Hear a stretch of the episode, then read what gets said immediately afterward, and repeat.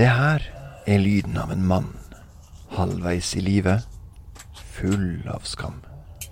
Rett før han skal gå inn døra hjemme og må fortelle familien hva som har skjedd. At han nå, som mann 42, har gjort den klassiske blemma. Han har blitt en del av statistikken. Han har forverra statistikken, som viser tydelig at menn midt i livet, de har trøbbel med å innse sine egne begrensninger.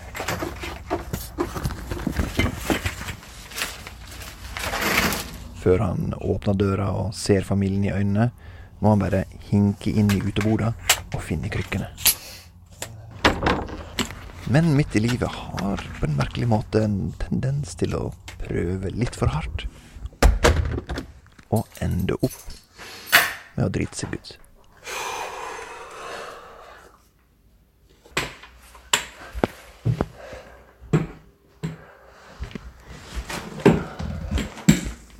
Da. Hva gjør for noe? Det var muskelen. Det var der. Ja, Der, ja. Så nå henger muskelen og dingler. Hvordan var kampen? Den gikk eh, som den måtte gå.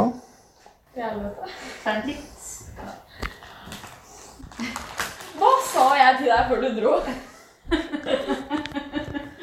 Hva, hva er det du har gjort nå? Strekk? Ja, det sa, det sa pang, iallfall. Det var nok noe som rauk.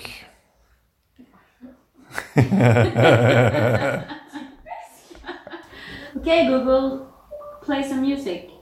All right, music on Spotify. Here you go.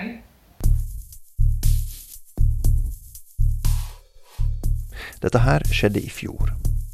Ei veke før sommerferien. Og skulle definitivt vise seg å være mer enn bare en liten strekk. Det var faktisk den første solide spikeren i kista. Kista til mitt eget sjølbilde, som fram til da hadde vært et bilde av en sprek, lettrent og evig ung fyr. Vel, vel. Fortsettelsen av kistespikringa, den får du her i denne episoden av Midtlivsmannen.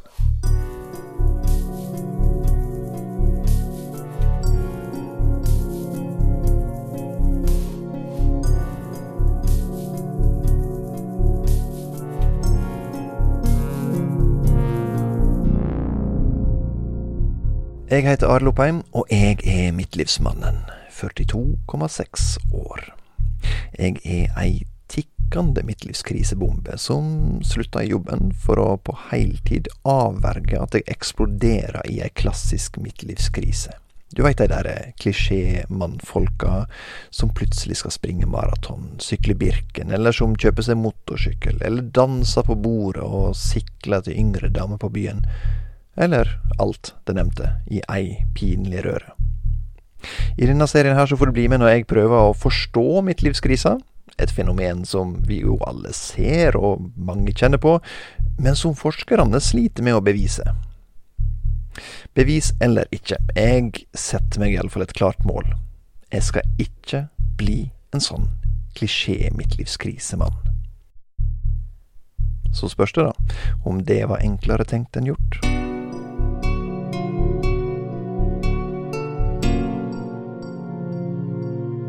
I forrige episode møtte jeg Yngvar Andersen, Puls-Yngvar, som kom med oppløftende nyheter om kroppens forfall fra midt i livet. For jeg har jo liksom visst at det går nedover med kroppen fra du er sånn ca. 35, men hvordan den nedoverbakken ser ut, det har jeg ikke tenkt så mye på.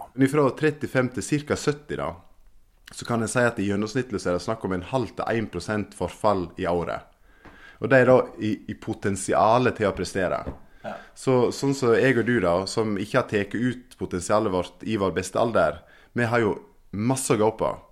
Så det er jo sjelden et problem hvis ikke han har vært toppidrettsutøver. Sånn som Northug for nå som har gitt seg. Sant? Han er jo nødt til å bli dårligere og dårligere. Mens jeg og du, vi kan ganske lenge bli bedre og bedre. Så ja, det går nedover, men det går ikke så bratt nedover, og så fort nedover. Og dersom du da aldri har vært på toppen av bakken, så kan det jo faktisk gå en god del oppover likevel, sjøl om du har passert både 35, 40 og 50. Hvis jeg trener 30% bedre når jeg er 70 enn når jeg var eh, 40, så er, er det mye sannsynlig, hvis ikke jeg da har fått eh, uflaks med skade og sykdom, så er jeg like bra. Og, og trener jeg mye mer, så er jeg bedre. På vei hjem fra praten med Yngvar kjente jeg at det her var motiverende. Og det trengte jeg virkelig å høre nå. For det siste trekvart året, altså da har det for alvor gått opp for meg at kroppen min, den har ikke evig liv. Og at jeg som menneske nå sorterer under en annen kategori. Det begynte jo for alvor da jeg hjemme på kvelden etter smellen, eller smellet på fotballbanen, skulle google meg fram til hva det kunne være. Jeg landa jo ganske kjapt på at det måtte være en skikkelig muskelruptur, som vel bare er et fancy ord for en kraftig strekk. Men uansett, om det så står det på Norsk helseinformatikk sine sider at det er en ganske vanlig skade som særlig rammer litt eldre idrettsutøvere i 40 til 60 års alder, og menn oftere enn kvinner. Den svei. Det gjorde faktisk nesten mer vondt i sjela enn i beinet. Men det begynte å ane meg at jeg ikke hadde landa på rett diagnose da jeg satt på sofaen hjemme på andre døgnet med foten høyt. Eller jeg hadde jo selvfølgelig da ikke sittet i ro med foten høyt de to sånn som jeg burde gjort. Jeg hadde blant annet prøvd å spikre rekkverk på en terrasse, der jeg vekselsvis eh, stavra meg rundt eh, på ett fungerende bein, og vekselsvis prøvde å sage, spikre og skru liggende med det skadde beinet stabla oppå noe avkapp. Men, men, uansett. På søndagskvelden, idet det bikka to døgn siden fotballkampen, og jeg ikke kjente det minste forbedring, og det sto tross alt på nettet at det skulle være mulig å starte med lett styrketrening etter ca. tre døgn. Det virka fjernt, eh, for halve venstre leggmuskel hang fortsatt og dingla som en geléklump oppunder kneet, og jeg hadde bortimot null styring på fotbladet. Så da begynte jeg å innse at dette her kanskje var noe mer alvorlig. Eller i alle fall noe annet. Så da ble det mer googling, da. Og mistanken retta seg raskt mot at eh, akillessena hadde røket. På nettet står det at tilstanden rammer særlig menn mellom 30 og 60, og den oppstår som regel i forbindelse med fysisk aktivitet. Hei, hei, hei! Akillesavrivning rammer altså oftest de mellom 30 til 60, mens muskelavrivning skjer oftest de mellom 40 og 60.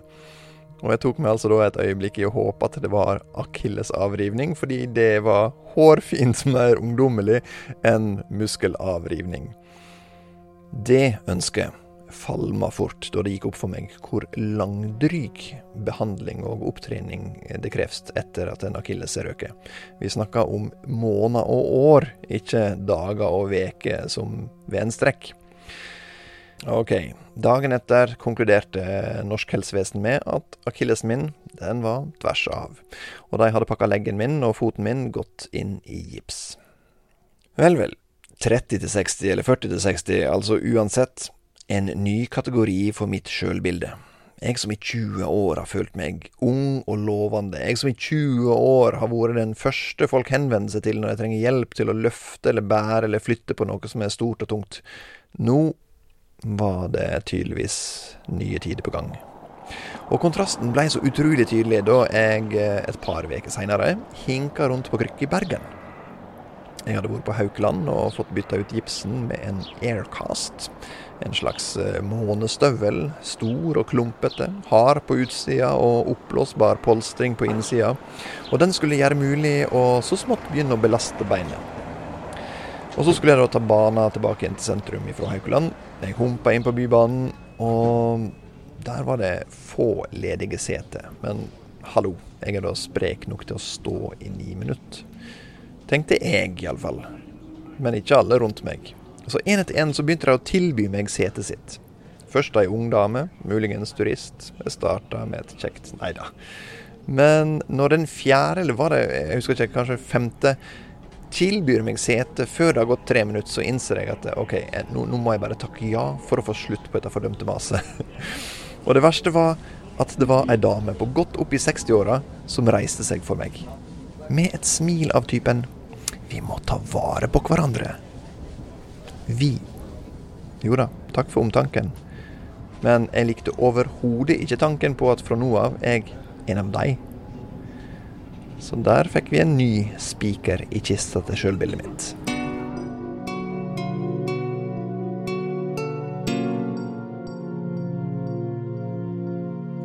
Og det var virkelig tøffe dager for sjølbildet mitt.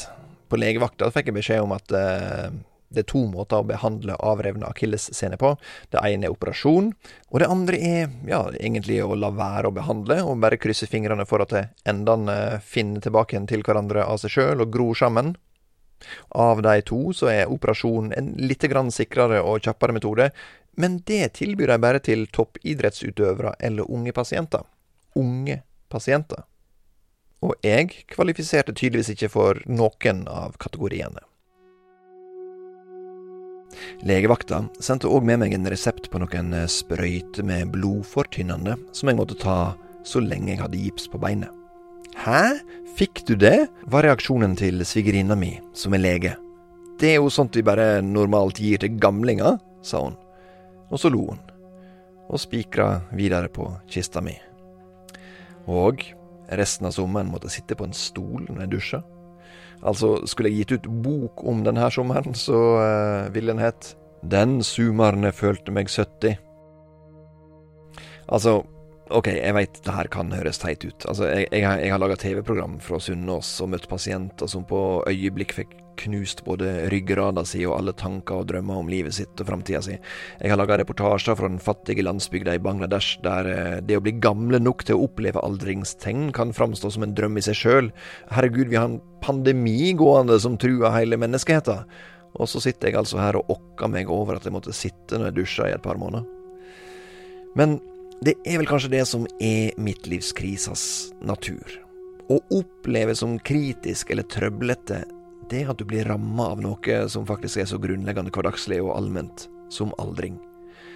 Og det, det, føles idiotisk å slite med sånne tanker når det fins så uendelig mange mennesker her i verden med reelle problemer, med ekte krise.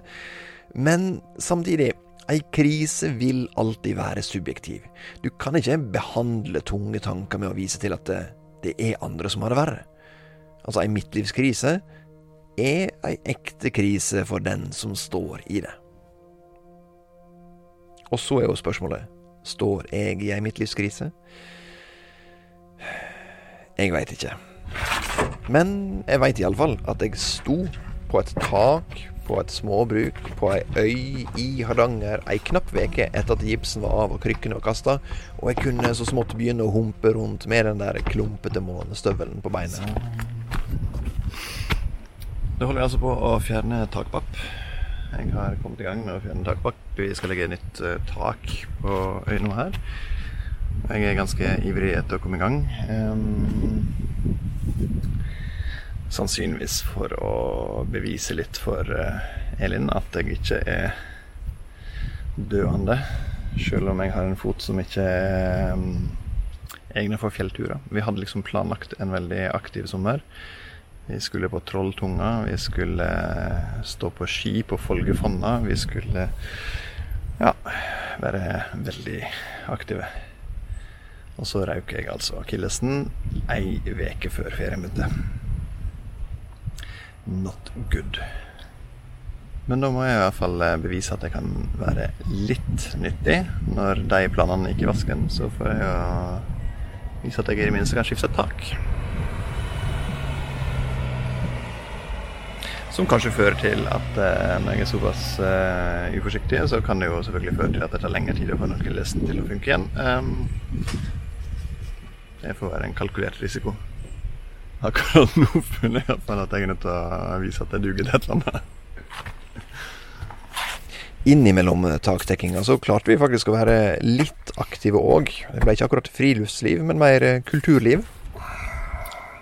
Vi var på konsert i går. En jazzkonsert over på andre sida av fjorden.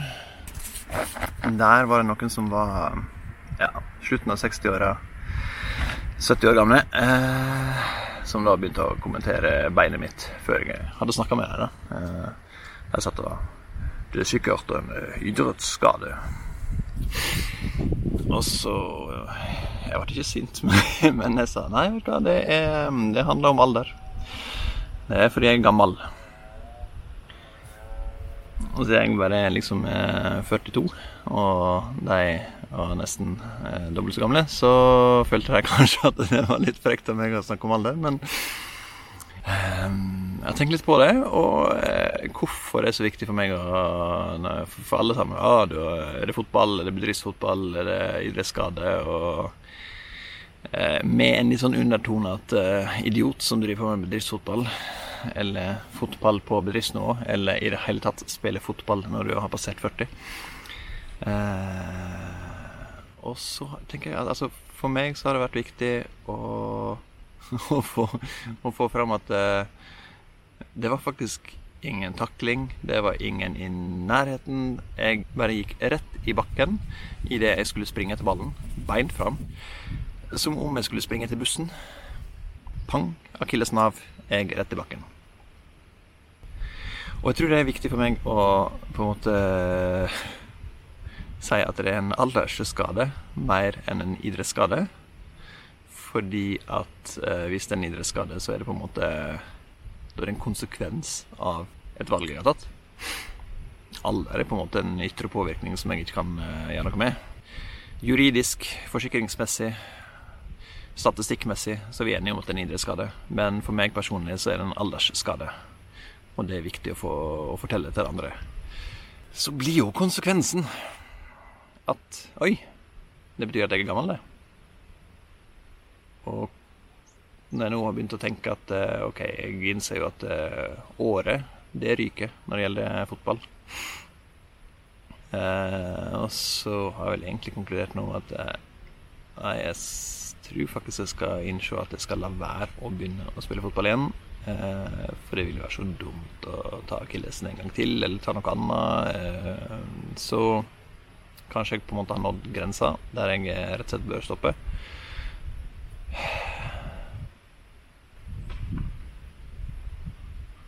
Og det er litt å ta inn over seg. Yes. Jeg visste jo, der jeg satt på taket i Hardanger og for første gang i livet kjente meg gammel, at akillesen min den, den ville jo gro, og fotball det var tross alt ikke en så viktig del av livet mitt. Jeg skulle fint klare meg uten. Men det var bare det at dette her var et symbol på noe større og mye viktigere. Den jeg er, og den jeg ønsker å være, både for meg sjøl og for hun som jeg elsker, det er en sterk og selvstendig fyr. En som fikser, ikke en som må fikses. Eller må få hjelp. Eller må ta det med ro. Og det var sånt jeg tenkte på innimellom spikringa på taket. Det er litt pussig.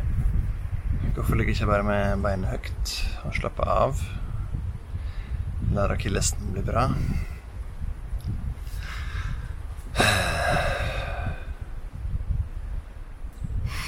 Jeg har vel kanskje rett og slett litt dårlig samvittighet. Fordi den slite delen røyk. Jeg har rett og slett dårlig samvittighet fordi jeg har blitt gammel. Når jeg nå insisterer på å humpe rundt på taket her og skifte et tak, så er det fordi jeg ikke vil akseptere konsekvensen av å bli gammel, nemlig at jeg bør sitte i ro med den der øh, fordømte akillesen min. Så den blir bedre fortest mulig. Ehm, det handler vel litt om at Elin og jeg har jobba en del med samliv innenfor journalistikken. Jeg har laga program som handler om perfekte par, og hva som er bra og dårlig når det gjelder samliv. Eh, og vi har diskutert en god del ting. Eh, og vi har hatt en tanke Vi vi vi er enige om at eh, Tanken om at vi skal erobre hverandre hver eneste dag At vi skal vinne hverandre Det er en veldig fin tanke. Et veldig bra utgangspunkt for et godt samliv. Og så Jeg skal være den første til å innrømme at jeg er ekstremt dårlig til å leve etter den regelen. Men nå begynner jeg kanskje å føle litt på det. At jeg har noe å bevise. Når mitt første skikkelige alderstegn slår inn med sine plutselige konsekvenser, så må jeg på en måte bevise at jeg fortsatt duger.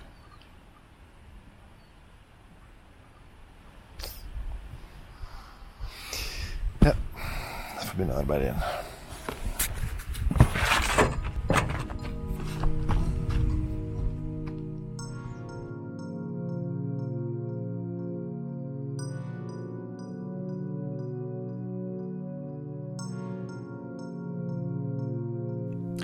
Høsten kom, og den der langdryge og gørrkjedelige opptreninga starta. Og er det én plass du virkelig kan kjenne på ubehaget ved å være en mann over 40 som sliter med å holde balansen, først og fremst fysisk, men uh, kanskje òg litt mentalt, så er det på treningssenteret, der jeg et par ganger i veka skulle gjøre øvelsene fysioterapeuten hadde gitt meg. Omgitt av unge, veltrente gutter og jenter, stort sett mellom 20 og 25, så sto jeg altså og svetta og skar grimaser i forsøk på å klare å stå på ett bein, på å prøve å hinke, eller å stå på tå. Altså øvelser de lett hadde klart i barnehagen. Litt seinere på høsten så hadde jeg så vidt kommet i gang med jogging, noen ytterst få minutter per økt. Og så ble jeg overivrig, kjørte på for hardt, overbelastning, tilbake til null, pause, og på'n igjen. Balansere på ett bein, forsiktig hinking, og mens denne seige opptreninga pågår, så skrumpa jo alt jeg hadde av muskler fra før, inn. For jeg fikk jo ikke vært så aktiv som jeg normalt har vært. Så ja, da jeg altså møtte motivatoren og treningsguruen Yngvar Andersen ute på vinteren, så var jeg drittlei av å ikke kunne være så aktiv og sprek som jeg ville være. Jeg var drittlei av at kroppen stoppa meg i å leve som før. Jeg var drittlei av å føle meg eldre, og at helsa mi hadde kasta meg ut i en uendelig utforbakke. Men Yngvar er jo ikke motivator for ingenting. Han klarte å vekke optimismen i meg, og på vei hjem fra besøket så bestemte jeg meg for at nå skal jeg komme i mitt livs form. Jeg kunne knapt vente med å lage et treningsopplegg, og jeg fortalte entusiastisk nå skal jeg komme i mitt livs form til Elin. Men eh, mottakelsen den var litt mer lunka enn jeg hadde forventa. Litt sånn Det hasta vel ikke sånn med en gang. Om et par år, kanskje, når fireåringen er litt eldre og litt mer sjølgående. Da vil jo åpne seg litt mer tid for sånt, kanskje. Ikke helt den reaksjonen jeg hadde forventa, men når jeg prøver å se det fra hennes side, så kan jeg jo skjønne hva hun frykter. Altså, når en mann som har bikka 40, proklamerer at han skal komme i sitt livs form, så er det vel kanskje kort vei til å se for seg den typiske midtlivskrisemannen som tilbringer mer tid i skauen i trikot enn med familien. Hadde jeg egentlig akkurat bestemt meg for å bli nettopp en sånn fyr jeg skulle unngå å bli? Tja Jeg har nå liksom en idé om at det skal kunne gå an å trene seg til toppform uten å bli en klisjé. Mulig det er naivt, men uh, uansett. Med disse her vidunderlig deilige orda 'mitt livs form' på repeat i hodet mitt, så kommer jeg til å tenke på broren min, Tore. Han er nest eldst av mine tre brødre, fem år eldre enn meg. Og i fjor sommer, da jeg følte meg som jeg var 70, og mora vår faktisk blei 70, og markerte det ved å samle slekta ei helg på Kielferja, da, mens jeg hinka rundt på krykke med en nypartert akilles i gips, og en fersk følelse av å være gammel, så så jeg noe jeg aldri hadde sett før. Tore, broren min. Altså, han har jeg jo sett jevnlig opp gjennom livet, men da gjengen var samla i bassenget på øverste dekk, så la jeg merke til at han hadde fått sixpack. Altså vaskebrett. Skikkelig vaskebrett. Han som alltid har vært den største livsnyteren i familien, som jeg alltid har tenkt at jeg kan slå i alt, ikke at han har vært i dårlig form, han har jo hele tida vært slank, men jeg har liksom vært sprekere. Eller iallfall innbilt meg at jeg er det. Men eh, nå Jeg måtte ta med en prat med han. For eh, han må jo vel være i sitt livs form. God aften. Dag. Jeg la merke til da vi var på eh, Kiel-ferja i fjor, at du ser jo bedre trent ut enn noen gang med sånn sixpack og hele greia. ja. Hva var det som skjedde? Nei, eh, si det. Det er et godt spørsmål. Det, det er vel mange ting som uh, spiller inn. Uh, jeg var jo ganske sprek som, eh, som eh, smårolling, da. Eh, opp til en eh, viss alder der andre interesser dukka opp. eh, der eh, helsa begynte å forfalle i en god del år fremover. Eh, men eh, så, så grunnlaget har vel egentlig alltid vært der. Og så er det vel dette med felles venner og sånt eh, i omgangskretsen til ungene, eh, som eh, da kanskje eh, drar fram de eh, interessene som en hadde som yngre, og, og eh, altså, ja det er jo én ting at du har venner rundt deg som er interessert i å trene og holde seg i, i form, og har det som en felles, eh, et felles holdepunkt. Men eh, samtidig så er det jo jobben òg, da. eh, Som etter hvert krever at du, du, du må ha energi, du må ha overskudd. og jeg har vel etter hvert på mine eldre dager skjønt at, eh, at det er viktig å bevege seg, og, og det å trene gir energi. Så det er vel bare sunn fornuft som omsider har slått inn. Ja, for altså, Er det da på en måte en tilfeldighet? Det her at du har fått uh, jobb med basseng og treningsrom lett tilgjengelig, og, liksom, Nei, og, at du har, og at du har venner som liker å trene uh, sånn etter plutselig. Uh, eller, eller snakker vi om et dypere behov for å komme i toppform som har vært der lenge? Nei, det jeg kan vel Det vil være å, å dra det langt og si at det er et dypere behov som har vært der lenge, men, men eh, jeg tenker at eh, kanskje Ja, et eh, viktig punkt er jo at eh, nå har jeg tre unger, eh, og etter hvert en hund òg som har kommet i hus. Eh, Så det å komme seg ut og få renska hodet litt, eh, enten på en joggetur eller en sykkeltur eller en skitur, og få, få renska hjernen litt og få litt avkobling fra søskenkjærlighet og sånne ting inne, inne i huset. det, det er òg et, et godt argument for å komme seg ut. Så nei, jeg vil ikke si at det er det er noe sånn eh, eh, djupt liggende motivasjon om å, å bli den sprekeste utgava av seg sjøl. Det er vel eh, mer at en innser at en, en har behov for trening. En har behov for å komme seg ut i frisk luft og bevege seg. Eh, så, så jeg vil si at det er mer den sunne fornufta som har slått inn på i en aldrende kropp. Men har du noen gang vært i bedre form? Sånn i voksen alder? Eh, nei, det er helt sikkert. Så, eh, men altså, det går litt sånn i uh, bølgedaler. og Det kan fort gå plutselig 14 dager uten at du har fått trent noe i det hele tatt. Alt etter hvor masse aktiviteter ungene skal på, og hvor masse jobb en krever. Og uh, hvis det er noe sosialt inni det hele òg, så, så kan det fort gå 14 dager. Men jeg har vært relativt flink til å holde det jevnt i gang eh, de siste åra. Så eh, ja, jeg eh, vil vel påstå at jeg er i mitt livsform. Men hvordan kjennes det ut, da? Hvordan kjennes det å være i sin livsform?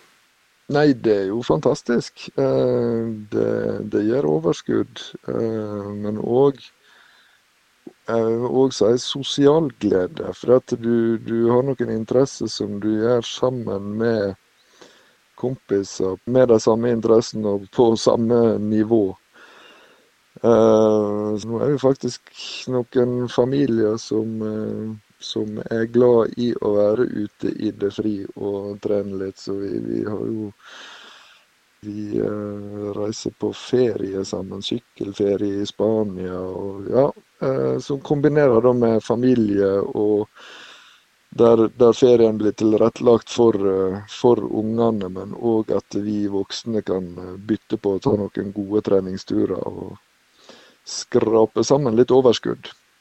Hvor mye trener du, da? Sånn nå i, i, i hverdagene? Ja, nå, nå eh, i disse koronatider har det ikke vært så eh, fryktelig aktivt. Men eh, jeg hadde vel et mål om to, to svømmeøkter, men det ble liggende jevnt på ei svømmeøkt. Og så blir det noen løpeturer da, og noen skiturer. Så, så sier snitt to til tre økter i uka. Så det, det er ikke noe skremmende nivå. Det, det er på et hobbymosjonistnivå. Men likevel nok til å komme i sitt livsform. Ja. Det forteller vel litt om eh, stilen min tidligere. Har du noen gang kjent på frykta for å bli sett på som en mann i mitt livs krise? Nei. Jeg har nå vært med på noen konkurranser som kanskje er akkurat i, eh, i den, eh, den gruppa som kanskje blir definert som folk med midtlivskrise. Men eh, sånn som å sykle Birken eller ta Birken-trippelen og, og sånne ting. Men jeg ser jo det på, på det som en sosial happening, og jeg har ikke noe jag om å slå noen andre. Det er kun meg sjøl jeg konkurrerer mot. Så hvis noen mener at jeg trener så masse at det kan være definert som noe midtlivskrise, så tar nå jeg det som et kompliment i så fall. Ok, det jeg kan lære av praten med broderen, er altså at du kan komme i ditt livsform godt etter fylte 40 uten at du nødvendigvis må være i en midtlivskrise, og uten at eh, du må være en dårlig familiefar. Og treningsiver eller treningsresultat som fra utsida kan se ut som uh, ei midtlivskrise, kan ganske enkelt handle om pur treningsglede og gode venner. Vel, jeg hadde altså bestemt meg for at eh, jeg òg skal komme i mitt livsform. Først var det en lunken mottagelse i heimen, men en rolig søndagsmorgen et par dager seinere, så foreslår Elin at vi finner oss et felles mål å trene mot. Et løp av et slag, en konkurranse. Så kan vi trene sammen, og begge komme i rekordform. For eh, skal vi først ha midtlivskrise i hus, så kan vi like gjerne synkronisere oss. Vi har ikke landa ennå på hva slags eh, løp eller konkurranse vi skal trene mot, så har du noen forslag, så send oss gjerne tips på e-post til gmail.com.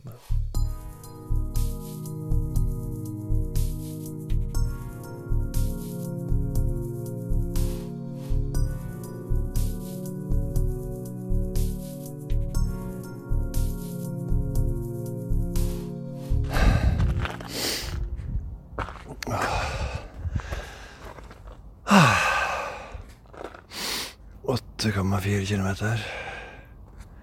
45 minutter. Det var seigt, altså.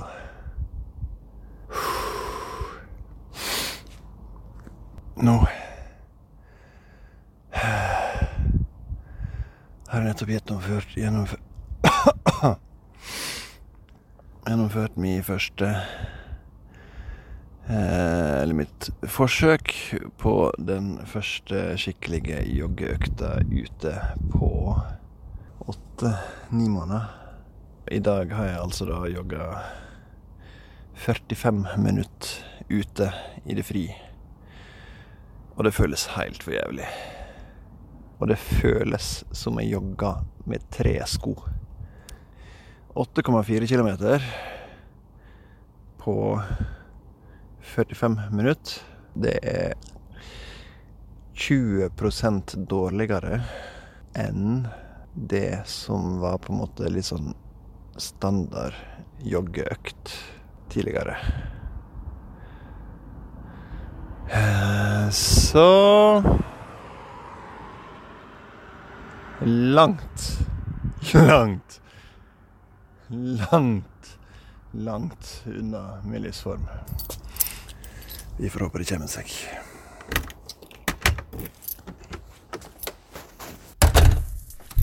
Men livet går videre, og det gjør òg midtlivskrisa. Eller i alle fall jakta på hva som er midtlivskrise, og hva som ikke er det. Om du ikke har gjort det allerede, husk å klikke deg inn på mittlivsmannen.no og ta den store midtlivskriseundersøkelsen. Altså uansett kjønn, uansett alder. Det jeg er på jakt etter, er hva du tenker på når du hører uttrykket midtlivskrise. Så gå inn på mittlivsmannen.no.